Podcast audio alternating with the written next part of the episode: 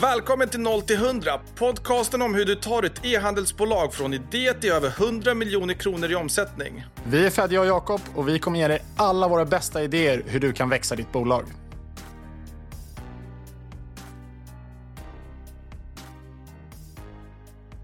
Då är vi tillbaka med avsnitt 5 av 0 till 100. Hur känns det Fedja?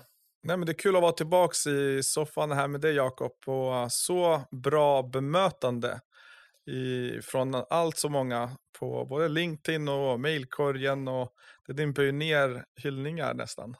Ja, men verkligen. Jag är faktiskt fascinerad. Jag, jag har tänkt igenom mitt liv lite grann och kommit fram till att jag har nog aldrig varit i en miljö där jag får så mycket positiv feedback faktiskt. Alltså jag, jag fick det inte riktigt hemma. Det var mer så här, mina föräldrar försökte alltid påpeka att det kommer bli tuffare när du börjar gymnasiet, det kommer bli tuffare när du börjar universitetet. Eller liksom, det var alltid den typen av feedback hemma. Och sen så började jag på en arbetsplats där det var liksom väldigt, väldigt tydlig konstruktiv feedbackkultur. Mm. Så det känns nästan här vid 35 års ålder som att det är första gången i livet som jag får en kontinuerlig ström av relativt positiv feedback, vilket är roligt. Vi går in på feedback och den här konstruktiva feedbackstrukturen. Jag vet att vi inte har något diskussionsämne för dagen, men det låter ju ändå intressant. Berätta hur det är att arbeta i en konstant konstruktiv feedbackkultur. Positivt, negativt med det?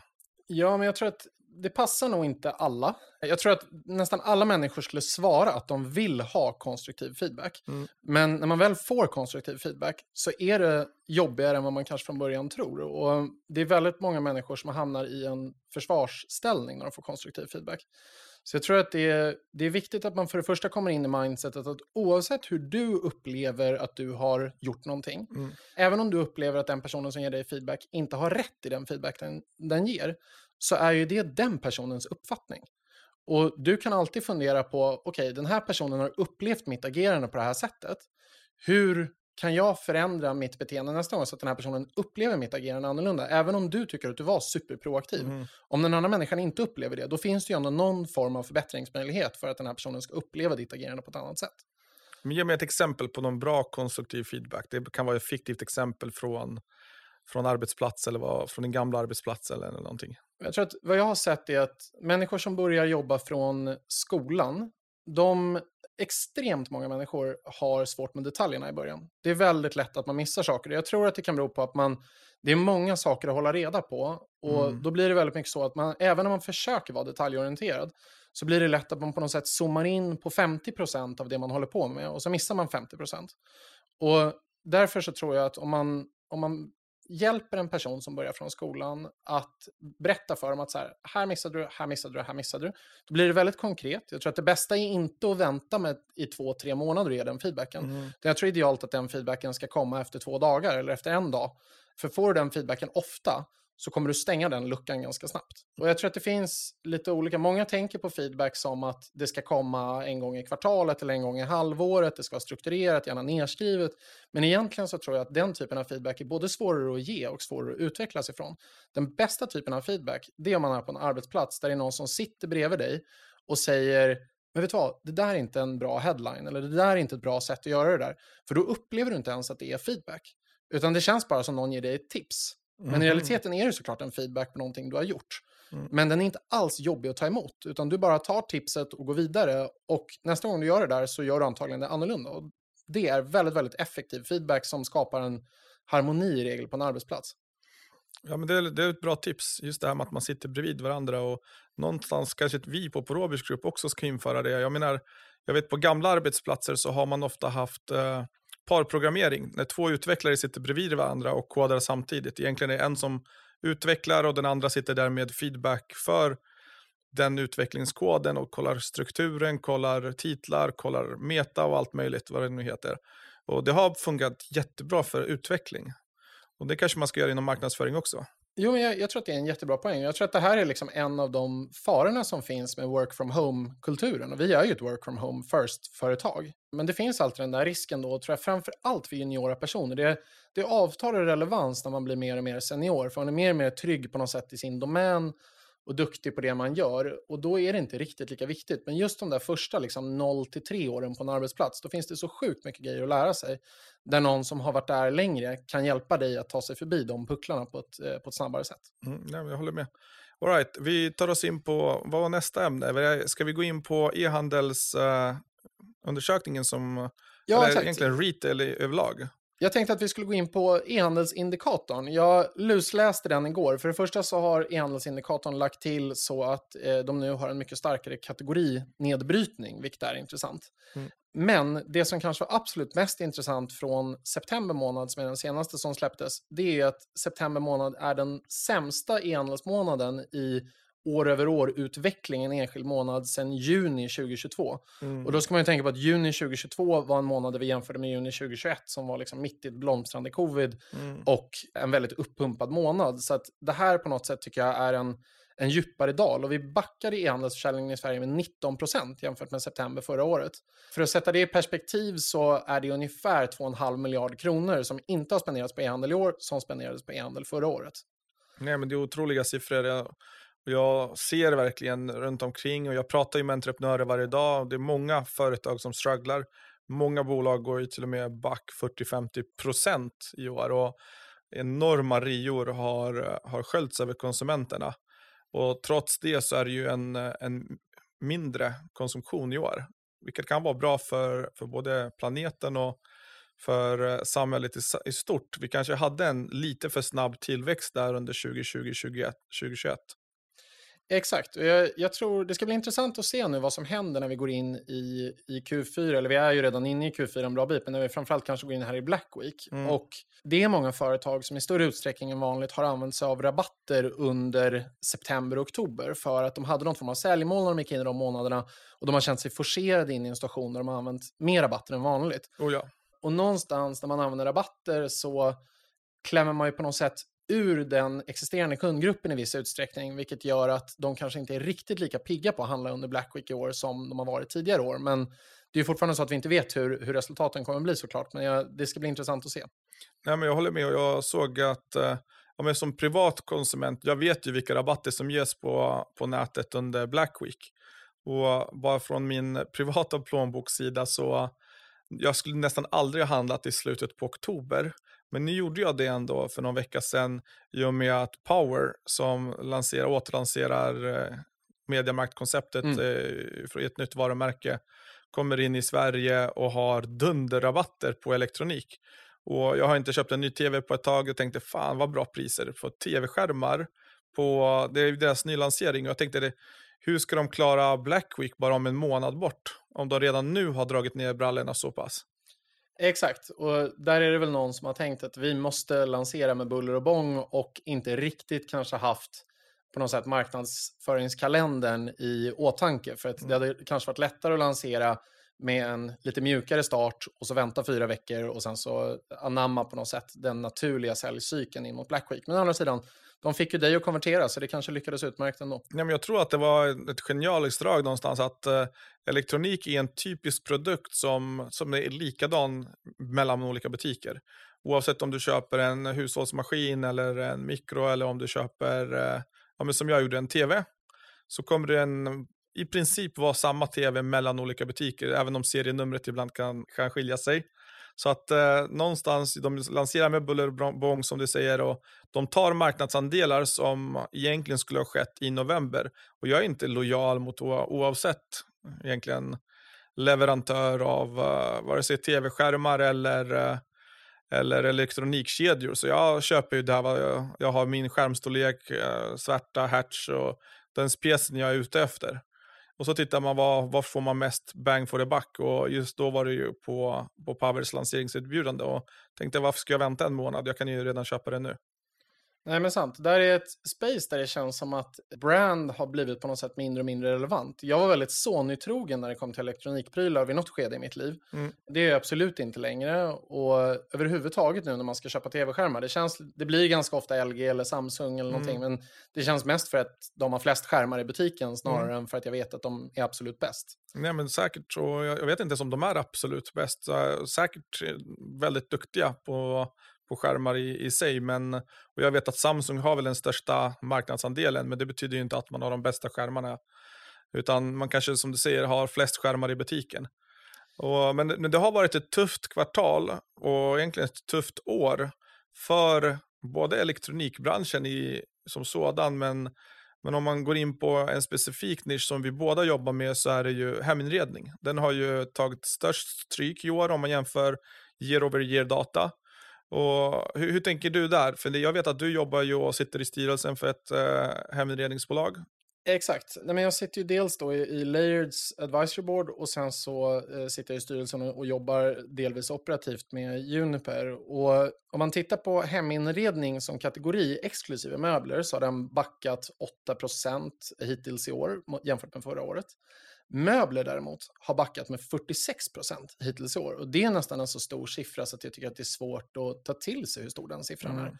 Alltså att en kategori halveras år över år. Mm. Och jag, när jag läste de här siffrorna igår så var det nästan så jag började fundera på, det måste nästan innebära att det kommer en liten rekyl nästa år. För att även om möbler aldrig är akut så är det ju ändå i viss utsträckning i alla fall en behovsstyrd köpcykel. Du identifierar att du behöver ett matbord och sen köper du ett matbord. Och liksom, köper vi då inga möbler i år, då måste man väl i någon utsträckning eh, ta tillbaka det nästa år, tänker jag. Nej, men man måste ju det, eller hur? Så att, eh, jag, jag, tror också på det. Jag har varit inne på det här redan i över ett halvår. Jag vet att jag pratade med ett par egentligen olika kollegor om vi ska dra igång ett företag just inom det här spacet. För jag vet att det kommer komma en rekyl som du säger. För att det var ju en rekyl under covid. Folk sitter hemma, man sitter vid sitt matbord lite oftare, man sitter vid sitt databord lite oftare. Så den typen av produkter som fick en att stanna hemma, jobba hemifrån, altaner, du vet för att vara ute i altanen, pergolas för att vara ute i trädgården. De typerna av produkter fick se en ett enormt upplyft. Så jag tror att det är så många som har handlat den typen av produkter. De håller ju många år. Så att de kommer, det kommer ju bli en, en väldigt stark cykel nu där det, där det går ner i år och troligtvis i nästa år också. I och med att ekonomin ser ut som den gör. Jag tror inte det kommer komma en rekyl nästa år utan eventuellt en, en, matt, en, en dämpning på den nedåtgående trenden som har skett.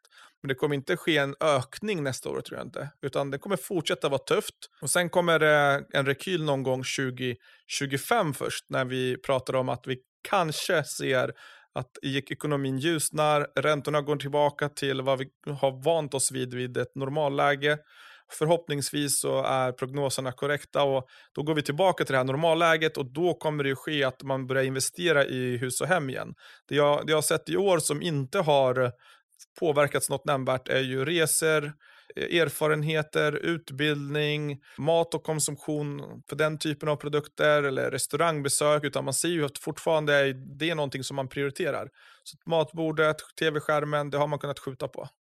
Nej, men absolut. Och när, jag, när jag tänker på det också så inser jag att jag har inte namnet i huvudet på särskilt många DTC-bolag eller liksom enskilda varumärken i möbelspacet. Utan det känns som att alla möbelbolag som jag kan komma att tänka på, det är någonstans bolag som är ett traditionellt möbelföretag från början, som sen kanske har öppnat sin e-handel lite som liksom en andra möjlig säljkanal, men att det primära är att man går ut kanske via retailers, man vill sälja på NK, man vill sälja på Åhléns, man vill sälja någon annanstans. Och eller förstås att man finns på marketplaces. Och sen så finns ju alla de här typ dropshipping-aktiga aktörerna, alltså Trademax, Chili mm. och hela mm. det. Där finns det hur mycket som helst som egentligen liksom utmanar kanske primärt Ikea när det kommer till eh, vem man ska gå till. Men Hem.com är, är ju ett exempel då möjligen och, och Layered som jag just nämnde är ett annat exempel på ett eh, bolag som har en stark e-handel och säljer möbler. Men det är inte så att det finns många företag i den nischen. Det finns några stycken. Jag, det, jag, jag kommer att tänka på, eh, jag, vi var ute och köpte en soffa, eller vi skulle ha köpt en soffa för drygt ett halvår sedan. Sen valde vi också att dra i paus och och tänka att man skjuter fram det. Men Sweef har gjort ett bra jobb. Absolut. Ja, men det är fair. Sweef har gjort ett bra jobb. Och det, men och det finns såklart, om jag nu skulle sätta mig och, och researcha det här lite närmare så finns det säkert några till bra exempel. Det kommer säkert komma några glada tillrop på LinkedIn med andra bolag som vi har missat kan jag tänka mig. Men, ja. eh, men oavsett, jag skulle ändå inte säga att det är ett, ett space som är överbefolkat än så länge i alla fall. Om man jämför med till exempel skönhetsprodukter där jag kan nämna hur många bolag som helst som har valt att gå direct consumer-routen till marknaden. Och skönhet är ju faktiskt också en av två kategorier tillsammans med nikotin och tobak som faktiskt inte har backat i år enligt ENS-indikatorn. Nej, och just om, om vi går in på skönhet då.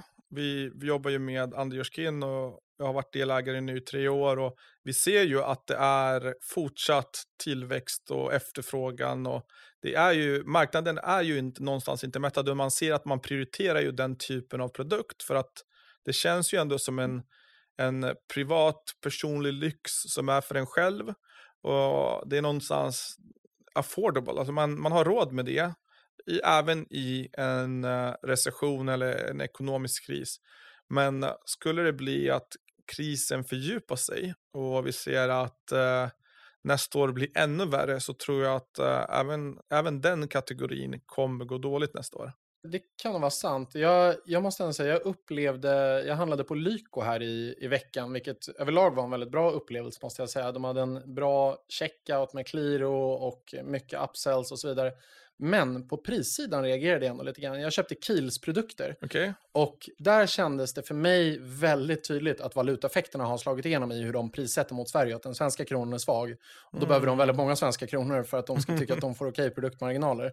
För det var nog liksom första gången jag upplevde att det här kändes dyrare att köpa än vad det var att köpa när jag bodde i USA. Jaha. Där jag annars upplevde nästan allting dyrt. Men, men just det här kändes väldigt, väldigt dyrt att handla i Sverige. Bra, kul att du nämner det också för att eh, jag har inte alls tänkt i de banorna. Och det är klart att vi har sett valutaeffekter både i byrån och i alla våra varumärken men det är ju en, eh, en sak som man inte tänker på som konsument. Utan eh, man ser en del prishöjningar här och var och oftast skyller företagen på råvaruprisernas uppgång men egentligen är det en stor del valutaeffekten. Den har ju nästan vad är det, 15% uppgång year over year eller någonting sånt. Ja, exakt. Det är ju, och den, den wobblar ju ganska mycket nu i, i eurodollar men det gör ju samtidigt om du är ett bolag som sitter någonstans i ett annat land och sen så tittar du på Sverige och Sverige är en av väldigt många marknader. Mm. Då är det klart, då sitter man där och säger, okay, men varför ska vi förlora marginal i Sverige? Utan då tror jag man helt enkelt låter de valutaeffekterna slå igenom ja. till fördel för att upprätthålla rimliga marginaler. Men vi går in på den här äh, erfarenheten du fick nu från Lyko. Du handlar, du sa att uh, checkouten kändes bra. Qliro gillar vi båda. I, jag älskar deras eh, retake som de gjorde för två år sedan med eh, efter att allt gick åt skogen. Så då rensar de i leden och fixar en ny, ny stark ledare som har en klar vision och vet vad den ska. Och så börjar de bygga sin checkout och verkligen bli en innovatör i spacet. Just när Klarna har haft en dominerande ställning i, i alla fall här i Norden över snart 15 år. Och så har eh, det har kommit några bra uppstickare nu och där Qliro definitivt är en av dem.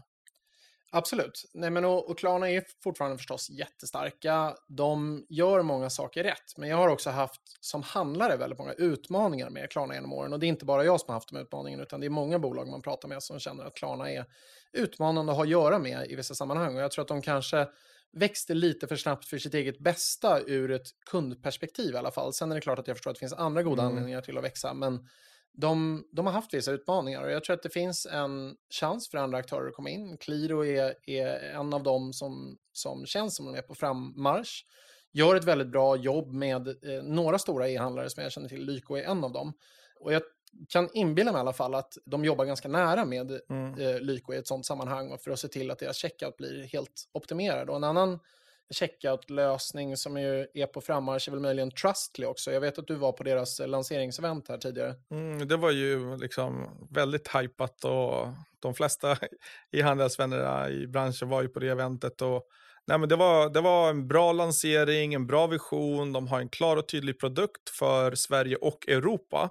För om man tittar på den europeiska marknaden eh, som sådan så har de ju ändå de har eh, någonstans sett att det är inte fakturalösningen som är det stora, utan det största tillväxten har skett på att folk vill betala nu med, eh, med eh, konto. Liksom, via banker och banken är ju någonstans en trygghetsfaktor och logga från den banken du själv använder har varit, eh, i alla fall enligt deras research, i större delen av Europa en framgångsfaktor. Så att eh, folk har blivit mer eller mindre trötta på att eh, betala senare eller slice och dicea sina fakturer långt efter köpet, utan man vill betala här och nu med de pengar man har på kontot. Och Det har lett till att eh, Trustly har satsat mycket på sin bankprodukt så att man integrerar mot diverse banker. Jag tror att de har flest integrationer mot eh, alla banker. Och Då får du ju betalt snabbt som merchant, men du får också kunden, kunden betalar instantly så att det blir typ som en swish-överföring mellan två privatpersoner. Exakt, och det är väl en, en ganska naturlig utveckling på ett sätt, för det är klart att, att pay later-alternativen, de är ju väldigt kraftfulla när en konsument tvekar lite på produktens kvalitet eller tvekar på bolaget som ja. de har att göra med. Då tänker man att det är bättre att Klarna håller mina pengar så länge, mm. eh, eller, att, eller att jag får betala senare snarare. Och sen får de betalt när jag väl har sett produkten och sett att allting är okej. Men mm. allt eftersom e-handel ändå normaliseras och populariseras så kommer ju såklart tilliten till e-handelssektorn som stort gå upp. Och då kanske man istället börjar fundera på baksidorna med att, eh, att betala senare, alltså att man får förseningsavgifter och annat på, på fakturer och då rör sig tillbaka mot att betala nu direkt istället för de personerna som har möjlighet att göra det. Ja, även om det är en... Eh, jag vet inte hur det är i den här ekonomin som det är just nu, är man kanske väljer att ta saker på avbetalning. Speciellt större inköp som, ja men går eh, någonting sönder hemma. Går diskmaskinen sönder så kanske vill ta in en ny diskmaskin men betala av den på sex månader eller tolv månader så att man får ekonomin att gå ihop. Exakt. Men det här var ju egentligen inte det vi skulle prata om idag, utan det här blev ett litet sidospår. Så jag tänkte att vi hoppar in i nästa ämne och det tänkte jag att vi skulle fokusera in på idag är CRM. Mm.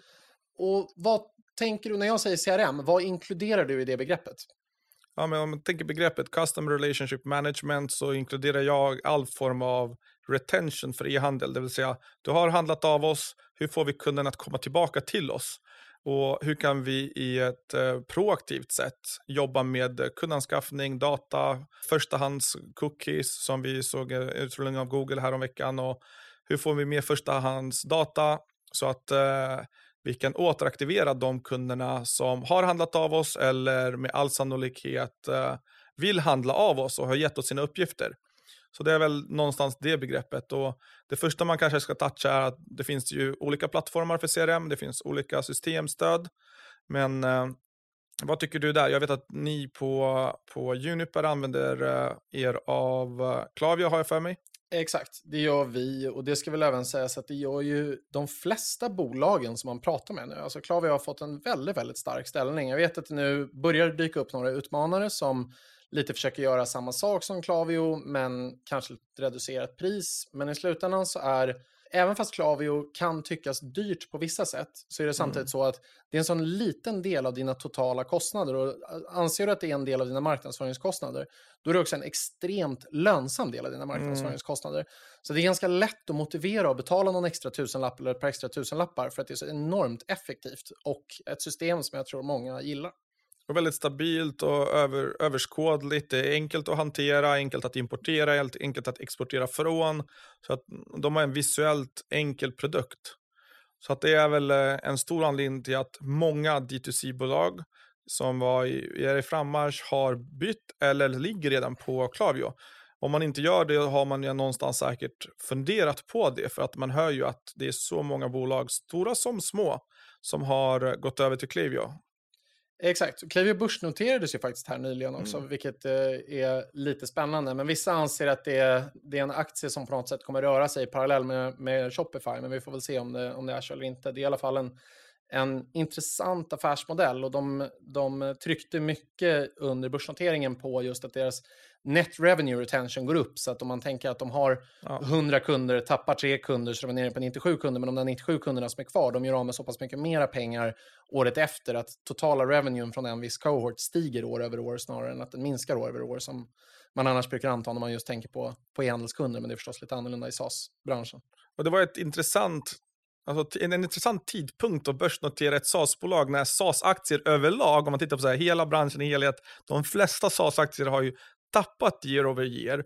Ganska mycket sen egentligen hösten föregående år. Så att uh, det har ju gått ett helt år nu med ganska negativ trend för SAS-bolag. I och med att bolag vill kapa kostnader, man tittar över vad kan vi klippa för kostnader, har vi några månadskostnader som tickar, stora som små, så gör man ju sig av med dem med all rätt. Man kanske inte behöver det just nu, men just Clavio har uh, kommit undan ganska lindrigt i och med att både Shopify och andel merchants som försöker sig ut växer och en stor kundgrupp hos dem är ju SME. Exakt, och man ska väl dessutom ha med sig att är du en SaaS-produkt som någonstans är ett topp två eller topp tre problem hos en grundare, hos ett enmansbolag, mm. Då kommer du antagligen inte bli skuren i en sån. Alltså det går inte att skära bort Klaviyo. Du kan möjligen byta ut Klaviyo mot en annan plattform. Mm. Men alternativet att sköta hela din CRM via Gmail är liksom inte riktigt ett Nej. alternativ. Nej, det är inget alternativ. Men om vi går tillbaka till CRM, vad ska man tänka på? Bortsett från Klaviyo eller systemstöd, det finns en, en, en flora av andra system. Jag kan namedroppa säkert 10-20 stycken som inte är lika relevanta 2023, så jag kommer hålla mig från det. Men hur, eh, hur ska man tänka? Hur tänker ni? Hur tänker du när, eh, när ni, man börjar sätta upp ett eh, du har det på plats, säger vi. Vi har integrerat det klart. Vi, ska, vi behöver inte gå in på de tekniska detaljerna. Men hur ska man tänka? Men det finns ju två väldigt stora grupper om man tänker överordnat inom en grupp av individer på Klaviyo. Och det är ju människor som fortfarande inte har valt att köpa från dig och människor som har valt att köpa från dig. Mm. Om man börjar med att tänka på de som inte har valt att köpa från dig, som fortfarande är en del av din kundanskaffningscykel någonstans. I regel så har de drivits in av betald trafik någonstans via Google eller via Meta och sen så kommer de in på din plattform. De väljer att signa upp sig på nyhetsbrev, men de väljer inte att göra ett köp där och då i alla fall. Och I regel kanske man också har incentiverat dem på något sätt genom att ge iväg 5 eller 10% rabatt för att de ska ge iväg sin e-mailadress. Där brukar jag prata om en analys som är väldigt värdefull. Att man tittar på den gruppen av människor egentligen som har gjort köp. Så man tittar inte på den här gruppen först, men man tittar på de som har gjort köp. Och så börjar du bli skarpare runt hur lång tid tar det typiskt sett för människor att konvertera? Mm. Och då är det klart att har du en produkt som kostar väldigt lite, då tenderar konverteringscykeln att vara mycket, mycket kortare. Uh, har du en produkt som kostar betydligt mer, då kan konverteringscykeln vara mycket längre. Men någonstans, om du lär dig hur dina kunder tenderar att bete sig, då vet du att till exempel att det kan ta 70 dagar för en kund att konvertera. Vi märkte på Juniper att 90% av människor som någonsin konverterar, konverterar inom 70 dagar. Mm Den analysen gjorde vi 2021. Sen gjorde det där att vi började försöka accelerera lite grann hur kunderna skulle få meddelanden från oss under den perioden. Och det gjorde att när vi gjorde samma analys 2022, då konstaterade vi att då hade vi kapat ner det där till någonstans 45 dagar ungefär, när 90% av kunderna faktiskt har gjort ett köp. Och det är ju genom att driva mer relevant och lite aggressivare erbjuden tidigare i den flowperioden. För att det är ju en väldigt stark drop-off. Om du missar den första dagen, första veckan och så rör du dig neråt så, så liksom går den här drop-off-cykeln ganska snabbt neråt. Och, och därför ville vi liksom accelerera kundanskaffningen mot tidigare i den cykeln hellre än senare. En sak man kan påpeka är ju att Uniper var ett nytt bolag 2019-2020. Så när man jämför data från 2021 så var man ju fortfarande i uppstartsfasen. 2022 lite mer välkänt bolaget växer. Så det finns ju en brand-aspekt i det hela, att man litade mer på Juniper 2022 än vad man gjorde 2021. Men, med absolut. Eh, jo, absolut. Men du ska nog tänka på att analysen är gjord bara på de som ändå väljer att konvertera. Och det är klart att det kan ha tagit längre tid för människor att välja att lita på oss ja. som sen konverterar. Men det är, en, det är, en, relativt stor förflyttning från 70 till 45 dagar Jättestor. år över år. Så jag tror i alla fall att det är en kombination av kanske hur vi valde att vinkla våra budskap ut till de här kunderna och hur eh, möjligen då även en, en eh, generell trustfaktor i, i varumärket. Och jag vet att du har, även har AB-testat för flera bolag när man ska få in, samla in e-postadresser med en rabattkod, typ 5% 10% har ni testat 15% i något fall? Har, vad har du sett för skillnader mellan när man ger en större rabatt mot att få in en mailadress kontra om man ger en mindre rabatt? Nej, men absolut. Det är lite mitt partytrick det där att AB-testa sign-up forms på Klaviyo. För att det pratas så himla mycket om AB-testning i vår bransch. Ja. Men i realiteten så är det ganska svårt för små brands att administrera AB-tester generellt sett på sidorna. Det är svårt att skapa statistisk signifikans, ja. det är svårt att implementera, det är, det är bara väldigt mycket utmaningar. Men inte just när man AB-testar Clavio popups. Det är så enkelt. Det tar fem minuter att sätta upp ett nytt AB-test och sen låter du bara det här löpa i bakgrunden och så tittar du tillbaka efter en vecka. Och ganska ofta har du statistisk signifikans eller i alla fall du börjar, det börjar röra sig åt något håll. Clavio räknar åt dig, du behöver inte göra någonting och du kan egentligen bara titta på resultaten när de kommer mm. in. Och gör man ett AB-test varje vecka och hela tiden väljer vinnaren och rör sig framåt så kommer man gradvis leta sig uppåt. Så att vi ja. har ju söndertestat det på Junipers sida. Vi även gjort det, jag gör i princip det med alla kunder jag jobbar med, vare sig vi är inblandade i deras e-mail eller inte, så brukar jag, brukar jag anse att det där är någonstans så pass enkelt att det skapar ja. värde och därför göra det. Och ett bolag som vi började jobba med nu eh, höjde vi med, med 200% sign-up rate över en tre månadersperiod ungefär. Och 200% fler e-mailadresser är enormt mycket fler e-mailadresser. Ja, och på sikt kommer det ju bli enorm alltså ökning i, på topline, eller hur? Så att det, är, det här är ju topline-kunder. Så folk som inte har handlat av ja, men den personen tidigare, eller den, den, det företaget tidigare. Så att det är ju en, en jätteenkel, ett bra tips, ett enkelt tips och gör det. Alltså sätt, eh, pausa podden, har du Klaviyo, gå in och sätt ett AB-test för att se om 5 eller 10 eller respektive 15 procent. Nu svarade inte Jakob på frågan på vad eh, generellt sett har funkat bäst för, de, för de tester du har gjort. Men uh, gör det testet.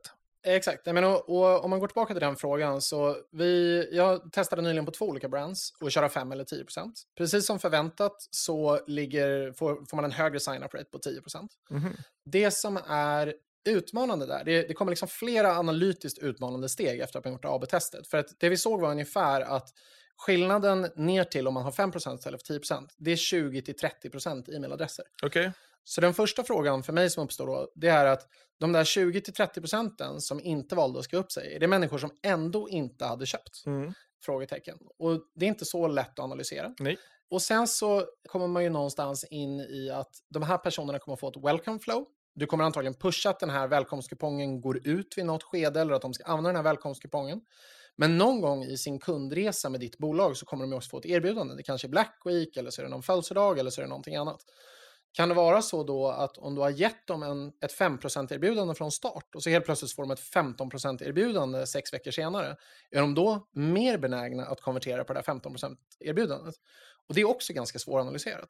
Det är väldigt svårt, så att man, det man behöver ta i beaktande är också varumärkestappet. Om man ger bort en större procent så tidigt i en varumärkesresa och din största rabatt senare kommer vara 15 eller 20 procent för att man inte både vill tappa marginal och göra bort sig längs vägen. Så om du har gett bort 15% bara i starten, då har man någonstans vant kunden vid att det kommer komma rabatter längs vägen. Jag vet att vi på Under Your Skin, vi gillar inte att ge bort rabatter tidigt i köpresan, utan vi ju, premierar ju kunder som har varit med ett tag. Så har man gjort sitt andra köp hos oss, då får vi, triggar vi igång ett flöde där man får en starkare rabatt och göra sitt tredje köp.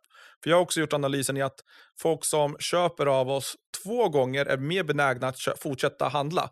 Så att eh, efter första köpet så får man en, ett litet incitament att handla igen. Efter andra köpet får du ett ännu större incitament att handla en tredje gång. Och efter tre köp, då har man någonstans blivit lojal och där räknar vi med att kunden kommer komma tillbaka med eller utan incitament. Och det har vi också sett och påvisat siffrorna i att återkommande kunden ökar med köpen, vilket inte är så konstigt i och med att det är en oftast är det en hårvårdsprodukt.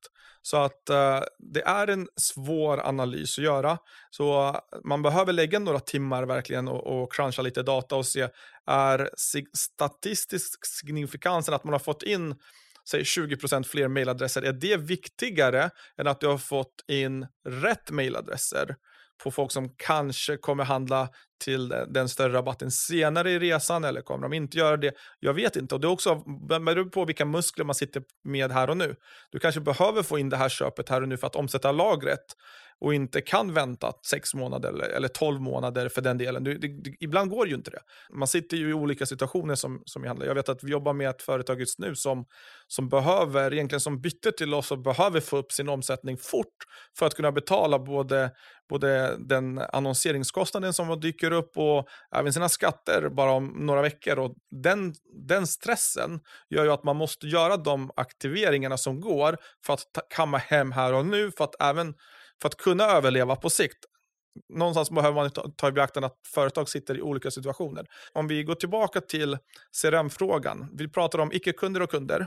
Det är en stor differens, självklart. Exakt. Nej, men så det, det är väl den första liksom, uppdelningen. Och jag tror att den är, den är på något sätt lätt att glömma bort. För att väldigt många människor dyker in i typ en RFM-analys, eller alltså Reasons i Frequency Monetary, som ett vanligt framework och även om man inte kanske applicerar det frameworket rakt av så brukar det ändå någonstans vara så man tänker. Men då mm. tänker man ju bara på sina existerande kunder. Så det är väldigt viktigt att även analysera de som inte är dina existerande kunder idag för att det blir en del av, av kundanskaffningen och kundanskaffningskostnaden i slutändan som gör att det är viktigt att fokusera där också. Men om man sen tänker tillbaka på de som då är dina kunder så du lyfter precis det här med Under Skin, att ni ser att om en person kommer tillbaka och gör kanske tre köp, mm. då tenderar de att bli väldigt lojala kunder. Verkligen. Och liknande köpmönster kan man ju se hos andra bolag. Mm. Vi ser samma sak hos Juniper till exempel, då, att om någon kommer tillbaka och gör ett andra köp, är de extremt benägna att sen göra ett tredje köp. Det svåra är att få dem att gå från att göra ett första köp till ett andra köp. Och då kan man fundera på, vill man där incentivera på något sätt för att få till det där andra köpet för att börja bygga den där liksom ambassadörspersonen eller lojalitetspersonen över tid? Och, och därför så måste man ju tänka igenom hur behandlar man människor som har gjort ett köp, hur behandlar man människor som har gjort två köp, tre köp, eller, eller kanske tre köp eller fler. För att det blir inte heller meningsfullt om man försöker dela sin CRM-databas i hundra olika segment, för att då har man inte tid att skriva flows och e-mails till Nej. alla olika segment. Men eh, jag vill ändå att ni pausar och tänker till kring det här tipset, för att många bortser det här. Om vi tittar på samhället i stort, brandsen i stort, Överlag så ger man oftast nya kunder större rabatter. Du vill alltid skaffa in nya kunder så billigt som möjligt. Och man struntar någonstans i kunder som har varit lojala i tio år eller lojaliteten den, den minskar ju i och med att man inte har tagit hand om de kunderna man har. Och det är fem gånger lättare att gräva där du står än att jaga nya kunder. Och det här gäller som ett snitt genom många branscher. Det är klart att det varierar något, men i grund och botten så är det lättare att gräva där du står. Det är lättare att återaktivera kunder som har handlat av oss. Förutsatt att du har bra produkter, vilket jag hoppas att du har i och med att du lyssnar på den här podden. Men pausa där vi pratade om, börja skriva ner de här tipsen för att det här är ett av de absolut starkaste tipsen jag kommer i alla fall dela i den här podden i att aktivera gamla kunder, skapa lojalitet, få dem att komma tillbaka i de flesta branscher, oavsett vad vi jobbar med, få dem att komma tillbaka till både sajten, till varumärket, bygg ambassadörer av ditt varumärke. Och Det kan du göra sen på massa olika sätt med community och andra typer av medel, men vi pratar CRM, så Försök att incentivera det andra köpet som Jakob nämner, så blir man mer lojal. Försök att incentivera det tredje köpet. Om det så vore ett tackmail eller ett, ett, en gåva eller en rabatt på nästa köp. Oavsett hur man väljer att göra det på, så gör det bara.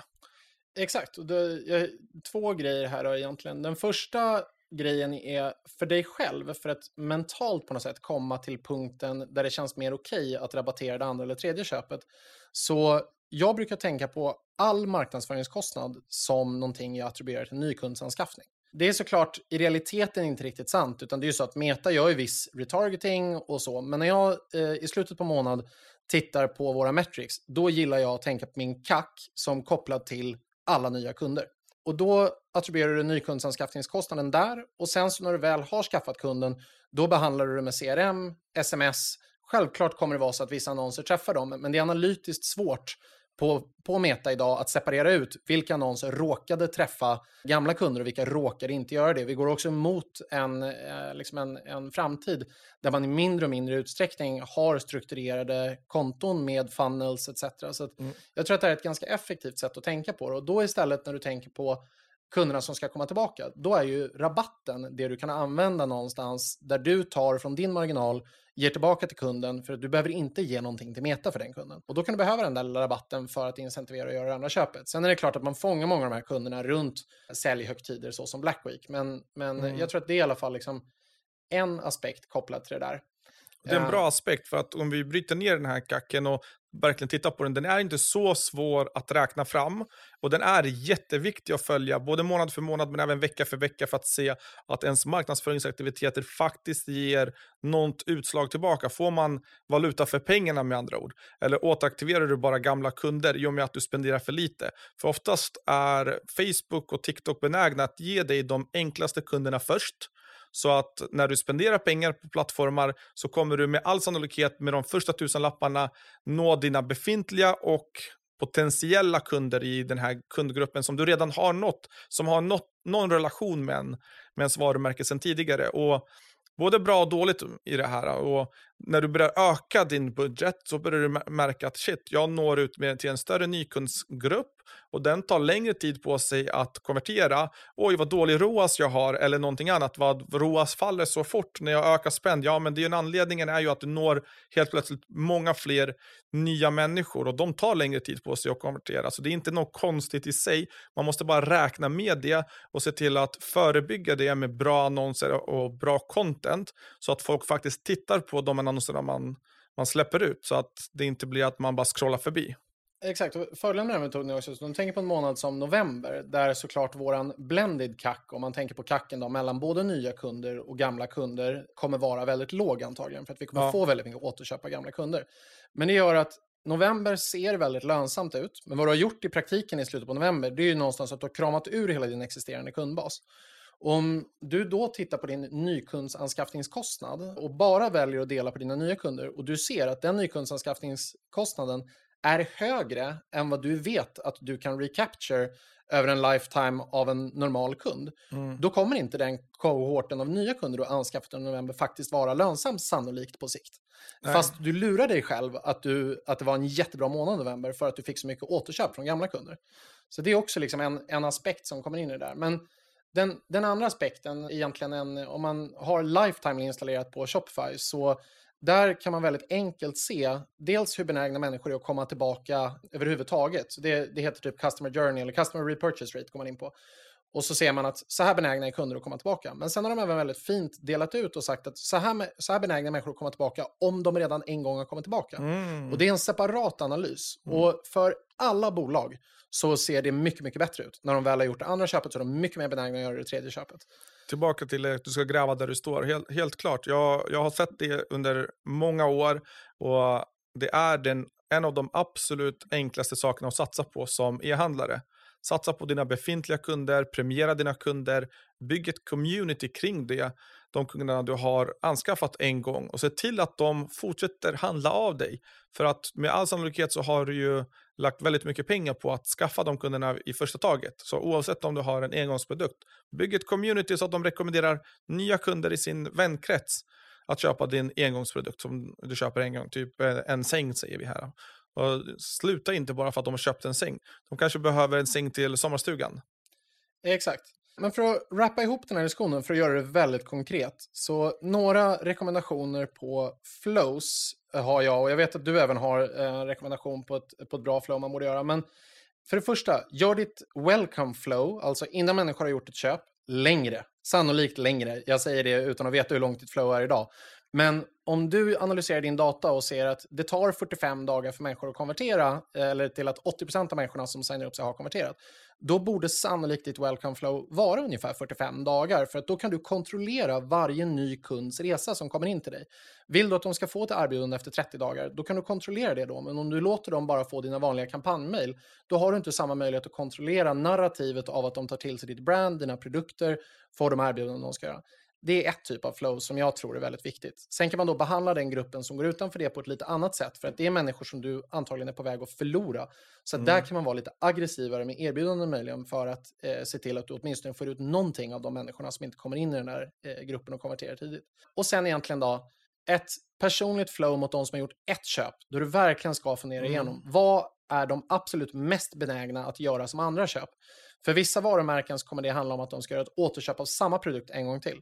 För andra varumärken kommer det vara att det är snarare mer sannolikt att man korsförsäljer en annan del av sitt produktutbud. Och där känner du förstås ditt varumärke bäst. Mm. Och sen det sista då är egentligen då ett, ett flow som adresserar antingen de som gjort två eller fler köp.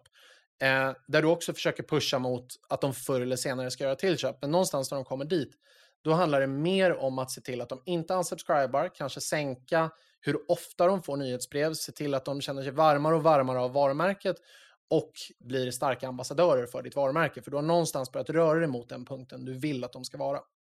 Nej, men bra, tre bra tips. Stort tack Jakob.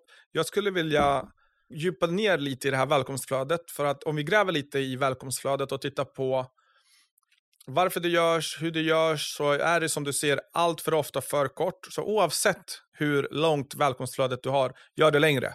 Du kommer alltid kamma hem tiden du lägger på att lägga på lite extra tid och kärlek på välkomstflödet kommer komma tillbaka någon gång förr eller senare.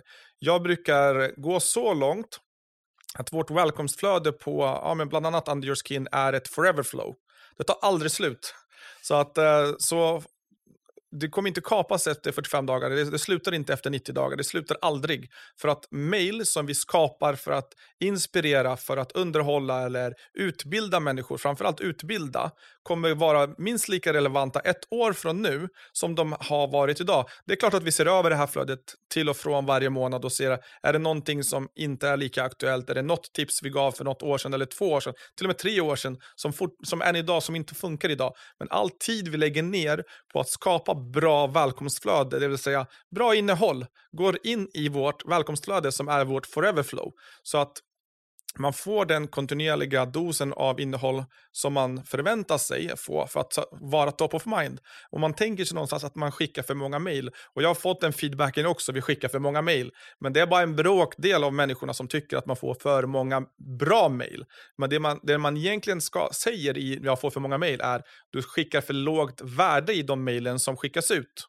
Det är värdet, så länge värdet är högt så mm. vill du ha mer mail. Folk, vi lever i ett konsumtionssamhälle av information, framförallt information. Vi vill konsumera. Vi ser det på våra poddlyssnare också, där det bara ökar med varje podd. Så att folk vill konsumera bra innehåll. Detsamma gäller mailen. Har vi ett bra flöde, har vi ett forever-flöde där vi matar in bra grejer och inte bara skriver det nu med AI för att man kan så, så att det blir lite halvtaskig information med noll kärlek, noll personlig touch. Ja, det är klart att det kommer bli behandlat som ett skräpmail. Exakt. Nej, men jag håller helt med. Och ett, ett bra sätt att eh, välja ut det där det är om du skriver ett kampanjmail och du ser att det får väldigt fin effekt. Då kan man ju fundera på, kan jag recycla det här mejlet in i min, mitt välkomstflöde eller in i något annat flöde för den delen? Mm. Så att du får eh, valuta för de pengarna mer än det där enskilda kampanjmejlet. För att kampanjmejl kan ibland kännas som en lite så här nästan fruktlös uppgift att sitta med. För man skriver det, det tar en massa tid och sen så försvinner det bara. Och, och därför så recycla de mejlen som du tror har god potential att recyclas in i dina eh, flows på ett eller annat sätt. Och när du säger kampanjmail nu så menar du egentligen ett engångsmail. För vi har två olika typer av mail i systemen. Vi har flödesmail som är automatiserade, schemalagda, så oftast möjligt in i framtiden. Och så har vi kampanjmail som det heter, som är ett engångsmail och ett one-off som vi skickar här och nu, som inte tilltänkt ska in i något flöde.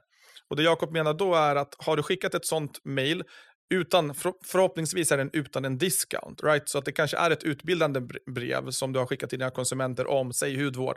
Du, så här får du den bästa hudvårdsrutinen nu när det blir kallt på vintern. Då kanske du vill återaktivera det här mejlet ungefär samma tidpunkt nästa år. Och då skickar du det mejlet in i vad vi kallar för foreverflow, välkomstflödet, så att den schemaläggs automatiskt till alla kunder som inte har fått det tidigare.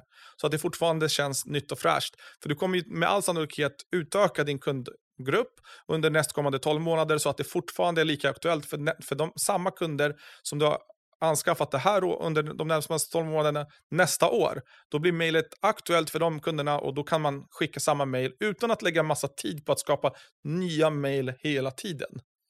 Exakt, och det är precis det som är så värdefullt. Är det, det är lätt att eh, glömma bort att eh, terminologin kan ibland kanske förvirra snarare än hjälpa till. För att kampanjen låter ju som att det ska vara discountbaserat, men ja. det är absolut inte det jag menar. Så det är helt, helt korrekt förtydligande.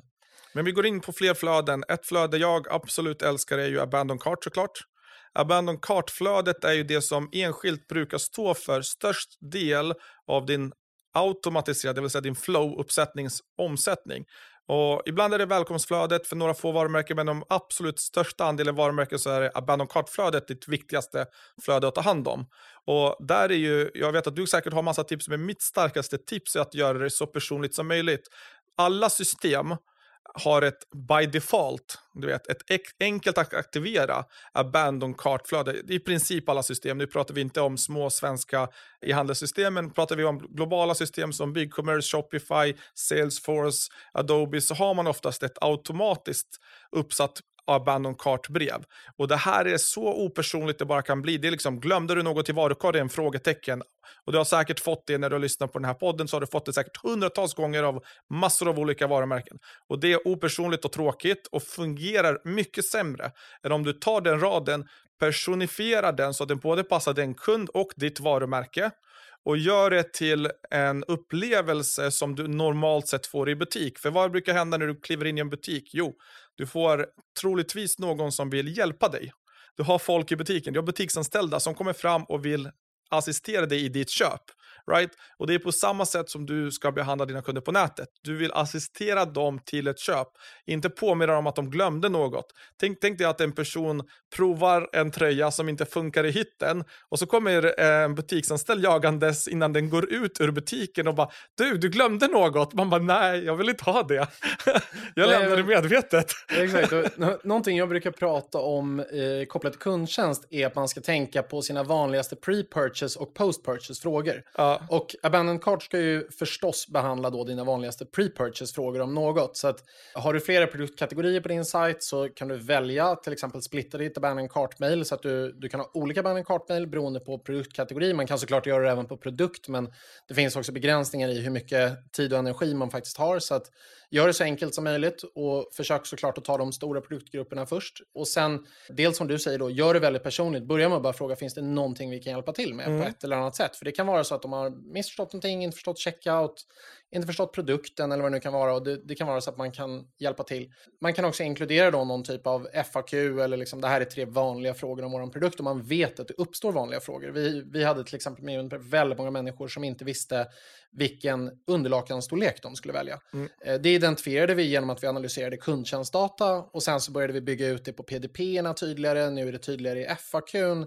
Det kommer i flows. Mm. Så nu finns det, försöker vi adressera den frågan på så många platser som möjligt. Och även fast det kan låta lite tjatigt så är det ju bara så att det är bara du som sitter i mitten som upplever att det är tjatigt. De människorna som försöker konsumera informationen, de ser antagligen bara på någon plats i bästa fall. Och det är fortfarande så att vi får fråga på det även fast vi har informationen på väldigt många platser. Så det är väl också ett tips där inne i Abandoned Cart-serien. Nej, men det, det, det går ju i samma linje egentligen där du vill hjälpa dina konsumenter fatta ett beslut, förhoppningsvis vill de köpa din produkt, men fatta beslut om vilken storlek ska man köpa. Ska jag ha den eller den färgen? Vad funkar till vad? Eh, vilken storlek ska jag ha? Eller vilken av de här två produkterna som man vet att folk velar mellan? ska den här personen passa bättre för den här personen? Och det, den typen av abandon cart mail har vi testat historiskt och när jag fick den här uppenbarelsen 2017 tänkte jag shit, det är ingen som gör det här. Varför gör ingen det här? Skickar abandon cart mail som ett traditionellt retail borde ha gjort. När du är på väg att lämna eller när du inte hittar det du söker så kommer man fram och frågar, finns det någonting jag kan hjälpa dig med. Right? Bara ställ en öppen fråga. Och du kommer bli förvånad över hur många som svarar på det mejlet då. Helt plötsligt har man en uppsjö människor som faktiskt vill ha hjälp, som inte har hittat det de söker efter på din sajt. För det är den största konverteringsdödaren, är inte att du är för dyr i pris, utan det är att jag hittar inte det jag söker efter på de allra flesta sajter. Mm. Så att eh, sajterna är uppbyggda på helt olika sätt och alla sajter, har, det finns ju inget egentligen tema eller mall som alla följer utan det, är, det har blivit mer komplext, det har blivit mer i Skandinavien i alla fall mer brandigt med större videos, större bilder. Det blir då svårare att hitta det jag söker efter. Och när jag har någonting som jag vill söka efter och inte går via Google Shopping utan bara klickar mig in på sajten så hamnar jag oftast på startsidan och då hittar jag inte den produkten jag är ute efter. Så när jag är på väg, förhoppningsvis har ni fångat upp min mailadress då, så när jag är på väg bort, då vill du ha abandon cart-mailet de närmaste 30 minuterna, eller egentligen de första timmen, men helst inom 30 minuter. Så kan du ställa in det på 30 minuter eller kortare. Det är då du har det här fönstret när jag är inne och shoppar i mitt mode där du fortfarande kan få mig att komma tillbaka till sajten och köpa utan någon discount. Jag behöver inte någon 10-15%, jag behöver bara hitta det jag sökte efter. Jag var inne efter glasögon eller jag var inne efter eh, linser i den här storleken för everyday use. Jag hittade inte det på sajten, gick vidare till nästa får ett abandon cart-mail, hej, finns det något jag kan hjälpa dig med? Sökte du efter, möjligtvis efter det här? Klart jag gjorde. Klick, inne, tillbaks, gör mitt köp. Ja. Avsluta resan. Och där, där och då fångar man upp en stor del av den borttappade revenuen. Verkligen. Är det några mer flows du tänker på som vi borde prata igenom innan vi packar ihop? Det finns en, en uppsjö med flöden. Och googla egentligen, du vet, five most common flows. 10 most common flows. Och beroende på hur mycket tid man har, sätt det in i ett flöde åt gången, optimera det flödet, se till att det fungerar och sen så följer du upp det flödet efter 30, 60, 90 dagar. Men ett flöde som vi absolut måste äh, nämna är att du ska rensa din e-postlista så ofta som, relativt ofta. Så folk som inte läser mejlen och folk som inte är intresserade av varumärket ska man rensa bort. Det finns många som kommer hamna på din e-postlista som du sen i slutet betalar pengar för. Men framför allt så får du en sämre deliverability hos Gmail eller hos Hotmail eller e-postmotorerna för att de inte läser ditt mail. Då hamnar man oftast i, först i reklamboxen och sen i i spamboxen och där vill du inte hamna. Det finns olika verktyg för att kontrollera hur stor eh, deliverability du har, det kan du googla dig fram till. Men eh, jobba med kvalitet före kvantitet när det kommer till flöden. Sitt ner och gör bra innehåll till dina flöden. Se till att de är hyfsat snygga komprimerade som de inte är för stora med, med massor av olika, olika giffar och emojis som tar stor plats. Så till, se till att komprimera bilderna. Det kan du också googla dig fram till. Sök efter image compressor innan du drar in iväg det i ett flöde. För du vill inte skicka ett mail som är 3,4 megabyte i storlek. Du vill skicka ett mail som är 100 kilobyte och ändå ser lika snyggt ut för du öppnar det på en telefon som är några 10-15 centimeter hög, right? Så att det funkar fortfarande. Eller ja, 20. ja, exakt. Men det, det sista flödet, ett flöde som jag faktiskt pratat mycket med bolag om, jag tror säkert haft fem dialoger med olika bolag de sista bara två veckorna, det handlar om flöde kopplat till lead ads. Mm. Så att när du gör lead ads, vi pratade lite om det här i tidigare avsnitt, då bör du även komplettera det med ett flöde. Och där har väl, liksom, jag, jag skulle säga att där ska man i alla fall ha fem, sex e-mail. Man vill kunna förklara vad bolaget står för. Man vill gärna att kunderna svarar på det där mejlet mm. för att just öka deliverabilityn. Man kan fundera på om man kan leda in dem på att följa en på sociala medier på ett eller annat sätt. Du vill berätta om dina produkter. Och alla de här grejerna ska gärna inte komma i ett mejl, utan det får Nej. gärna komma i några olika mejl så att det är mer ett budskap per mejl helt enkelt. Ett budskap är mig, håll det kort och koncist. Och i de lead som jag har sett fungerar jättebra så vill jag slå ett slag för quiz där du ställer frågor, egentligen gör som en survey. Så att eh, då när kund eller prospect spenderar tid med ditt varumärke, ger, ger dig en del av sitt liv, då är den också mer benägen att köpa längre fram. För den har någonstans gett dig något. Och du har med all sannolikhet gett något tillbaka i form av bra utbildande innehåll.